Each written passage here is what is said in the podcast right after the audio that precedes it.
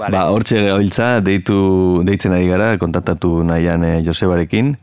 Eta gaur, e, bueno, ba, gai, bestelako, agian, Katalinoako gaitik burua pizkat deskantzatzeko, ba, bestelako gai bat e, hartu dugu. Eta dagoeneko, bai, badaukoagu Joseba beste, beste aldean. Kaixo, egunon, Joseba? Kaixo, egunon, Javi.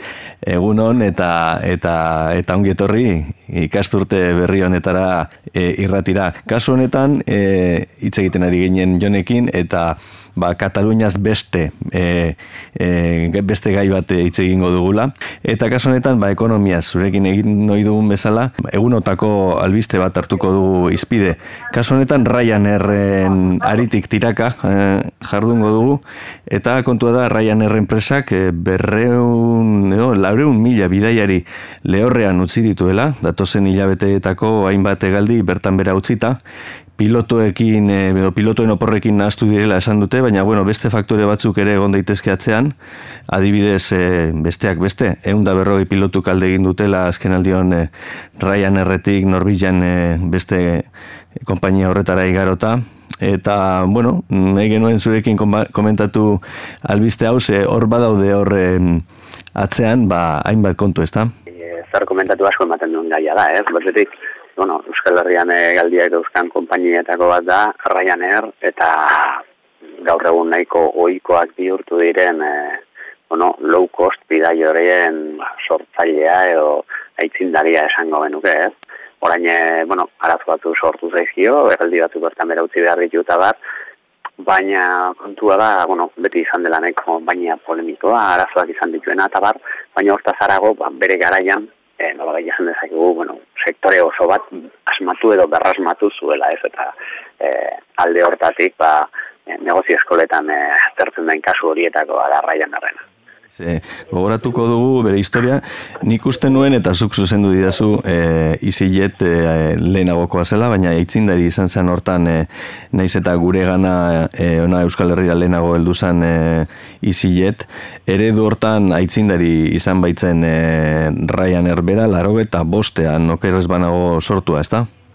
Bai, hori da, no, iziletek egin zuen errexe, errexena, kopiatzea, da, baina bai sortzea, lehenengo ideia edo arraian errena izan zen, eta bere bere arrazoi bidea oso simplea izan zen, behiek egazkin bat zeukaten, e, British Airways zen, ba, garaiko ba, munduko kompainia hundienetako bat, eta e, Dublin Londres zen eurentzat e, euren egaldi errentagarriena. Ez? Eta, mm -hmm. bueno, Ryanair ohartu zen, e, bueno, bidaiariei prezioaren bosten bat e, kobratzea nahikoa zela, e, eraz, erazkina betez gero noski, e, ba joan etorri horietan e, dirua ez galtzeko, are diru pixka tira bazteko, ez? E, orduan, bueno, horrek e, prezio leia ikaragarria eragin zion e, British Airwaysi, Ryan arren egazkinak noski gainezka e, egin zuen, eta hortik abiatuta, ba, bueno, e, sektore berri hori agertu zen egaldin merkeena, eta hori, ba, e, Europan e, bere biziko fenomenoa izan da batikat, eta, bueno, besteak beste, e, aireportu ezberdin askotara, e, zabaldu ditu eraldiak eta bideiatzeko aukerak. Ez eta nik uste dut jende askok e, baliatu duela aukera hori ba, azken urteetan. Ez itzaion erreza izango abiapun, abiatze hori e, orduan e, mm, sektorea ba, banderakoak deitzen ziren e, e, kompainia horientzat egina bai zegoen, ez da, ba, British Airways, e, Iberia, eta horrelakoak, ez da, horre kostuak, slot, eta kontzeptu batzuk badira, e, ba, bueno, ba, ez itzaiola izango horrela, hor apatsa sartzea, erresa? Ba, ez, bueno, kontua zen, e, ez dakitegi esan nondik nora zeukaten e, raian hauek e, e, egazkin bat, ez da, baina kontua da, e, bueno, e, joan etorri bat, eta gaur egun, bai, autoa partekatzen dugun garaian, eta horrela egiten duen logika berdinaren barruan, ez? E, Hortu ba, nahiko e, erresa dela, no, e, garraio bide hori betez gero, e, bat autobusak edo trenak, baina askoz e, markiago bidaiatzera, ez dut, e, logika hori bera zela da erazkin pribatu bat ez abiatuta, ba, ohartzea, bueno, benetan monopolio handi horiek zirenak, bakoitza bere estatuan horrako monopolio eta babes handi bat zeukan e, kompainia horiek kobratzen zutena, eba, ikaragarri kopuru handiak zirela, ez? Eta hori hori merkatu zuen, bueno, besteak beste betez eta bueno, hainbat e, zerbitzu erauziz, ez da, hau da nahiko e, oinarrizko garraio bat eskainiz, eta gero hortik aurrera zer, eta bueno, edo zein zerbitzu edo gauza txikigatik ere, ba, kobratzeari ekin zion bere garaian, ez? Baina egia da, oinarriz, oinarri oinarrizko e, zerbitzu hori, garraio zerbitzua, e, eskaintzea, eskaintzera jozuela, eta bueno, bere arrakastaren e, froga da, ba, beste hainbat konpainiek ere hori kopiatu beste remediorik ez dutela izan, eh? Eta horrek lehia bultzatu du, ez da handiek ere alde batetik eurek e, bueno, murrizketak eta bueno, optimizazio pilo bat eh, egin dituzte. Hor badago lehenda bat, ez da? Ez dakite e, mm, kondairak eh, dio, baduela hogeta urte American Airlinesek berrogei mila dolar aurreztu zituela entsalada bakoitzetik oliba bat kenduta. Eta bai. ez dakit, kontua da gara hartan ez eguela lokoste zeharik, leia hori, baina bueno, e, orduan e, gauza ondo si joakien edo esaten dute ere bai ba, ba hori urmaelaren ondoan beti daudela zaborrak eta ez direla ikusten harik eta ura desagertu edo ura eskastu arte, ezta? Eta hauek, eh, bueno, e, hori naiz eta ura egon, ba, horre egin zutela optimizazioa, hori esaten da e, optimizazetzeko asko, asko zeukatelako, ez? Horren seinale. Bai, monopoliek berez e, dute joera bat, bat bertan goxo egiteko, eta, eta bueno, gehiagikeri asko eragin ditzakete, gaur egun eh ez da sektoretan gertatzen ari den fenomenoa da, ez da baina e, argindar e, enpresen kasuan edo telefonia enpresen kasuan agertu dira enpresa txiki alternatiboak sarritan e, kooperatiboa gisa antolatuta da denak eta bar eta gai dira e, prezio bera edo bea emateko eta bueno beste erraldoi batzuen e, ba, baldintzak e, eskaintzeko ez da? eta bueno konsumitzaileak pixkanaka hortaz e, ohartzen ari dira esan dugu Eta, mm, bueno, horrietan guztietan e, fenomeno mm, bera edo antzekoa. E, leia egoteak presioak eustea dakar. E, inflazioa ez gertatzea. Azaldu pizkatori.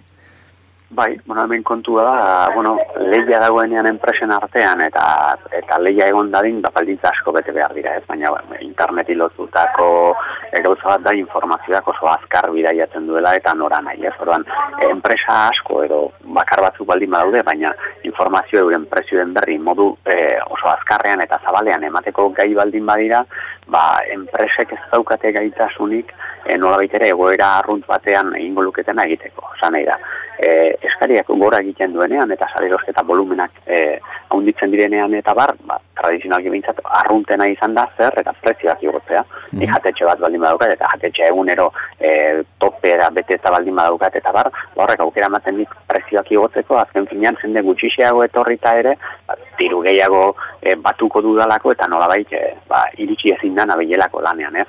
Aldiz, e, jatetxe horri bere inguruan, ba, dozena bat jatetxe zabaltzen baldin mazaizkio, ba, horrek batetik jatetxeko jende hilara e, gutxitu egiten du, eta horrek berak zaildu egiten du nolabait, e, presioak igual izatea, eta beti egon liteke, ba, zagit, e, lamina edo arzak moduko jatetxe bat, oso gauza berezia eskaintzen duena, baina oro har, e, bueno, jateko zerbitzu hori ba, merkatu egin dezake ez, eta lehiak ba, edo zein e, sektoretan funtzionatzen du normalean, eta ba, lehia handiagoa dagoen enean, e, horrek albidetzen du, ba, holako merkatu kapitalista hauetan, ba, konsumitzailei e, prezio merkeagoan, ondasun edo zerbitzu gehiago eta hobeak eskaini alizatea. Hori ja alde negatibora pasatzea izango litzateke deflazioa ditzen diotena? E, bueno, kontua da, karo, orain arte inflazioa kontrolatzera bideratu izan dela, esatu baterako moneta politika eta bar, e, inflazio beti esaten da, e, gehiagi txarra dela, gutxiegi ere e, txarra dela, eta, bueno, komeni dela ba, hori ere neurrian ez, mm. eta alde horretatik, ba, bueno, esan dezakegu deflazioak bere arriskuak badituela, eta bai, lehiak, lehiak edo gehiagizko lehiak prezio jeitxiera eragiten baldin badu, ba, noski arriskuak ditu, lehen aipatu dugun betzela, e, monopolio handia ziren enpresa handi horiek, ba, sekurako berregituak eta e, bizi izan dituzte, eta, eta garai batean, ba, e, egazkin pilotuek zituzten lan baldintzak, ba, ez dira gaur egun dituztenak, eta horregatik horregatik e, gertatu da, ba, Norvegian era, e, raian narretik horren beste e, langile pasatzea, eta bar, ez da, e, ekonomian beti gertatzen den bezala gauzak ez dira absolutuki e, onak edo txarrak, normalean beti izaten dira garaileak eta galtzaileak edo, e, bueno, diferentzuak eta aurkiak. Eta, eta leia horretan e, egokitzerik edo aukerarik edo almenik ez duenak, e, bueno, ba, galtzen du. E, atzo beren egun bertan irakurtzen genuen toizaraz e, mm, jostailu den da erraldo joiek, e, bueno, demintzate estatu batuetako enpresak itxi egingo duela, e, beraiek esan da online lehiari e, eutxi ezinik.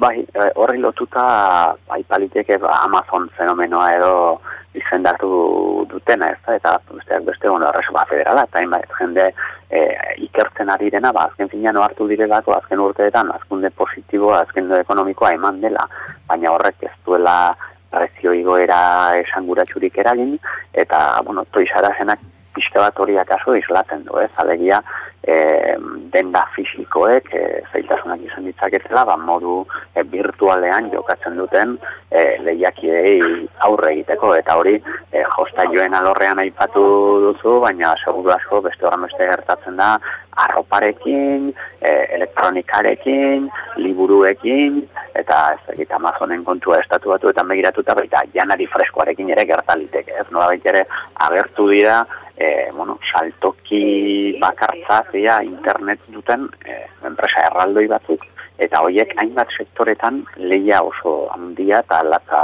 eragin dute. Bueno, liburuak saltzetik, banaketa sal, saltzera, banaketa edo plaza handi bat eh, izatera igaro da Amazon.